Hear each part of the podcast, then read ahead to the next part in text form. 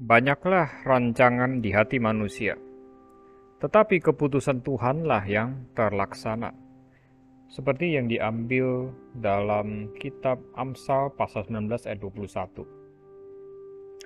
Kehidupan penuh dengan keputusan-keputusan setiap hari.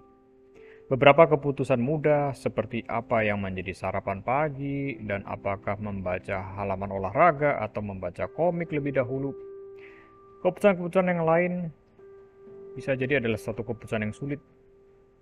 Bagaimana menghabiskan 100 dolar saldomu atau bagaimana memberitahu keluargamu bahwa kamu tidak mendapatkan promosi seperti yang kamu pikirkan.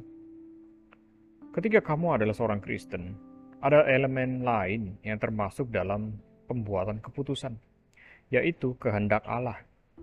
Amsal 16 ayat 1 sampai 4 merefleksikan proses di mana kita pergi untuk mendapatkan kehendak Allah bagi hidup kita.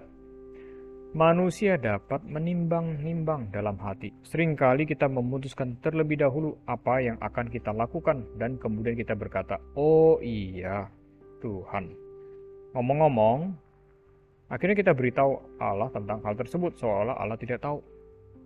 Tetapi jawaban lidah berasal daripada Tuhan Allah merespons apa yang kita putuskan, dan sering kali di dalam cara-cara yang mengejutkan kita. Apakah itu pernah terjadi padamu?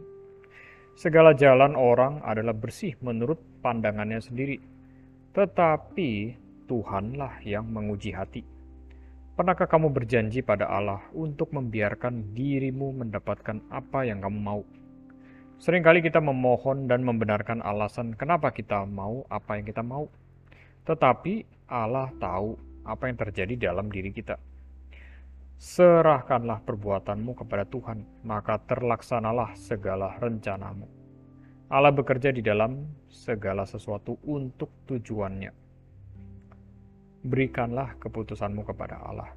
Beritahu dia bahwa keputusan Allah adalah keputusanmu, dan kamu akan melakukan apa yang Allah mau di dalam waktunya lalu tunggu dia dan dengarkan dia.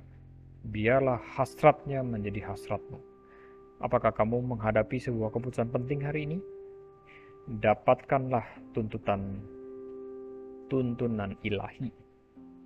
Demikian cerita singkat yang kita bisa ambil dari Strong to the Core, karya daripada Norman Wright.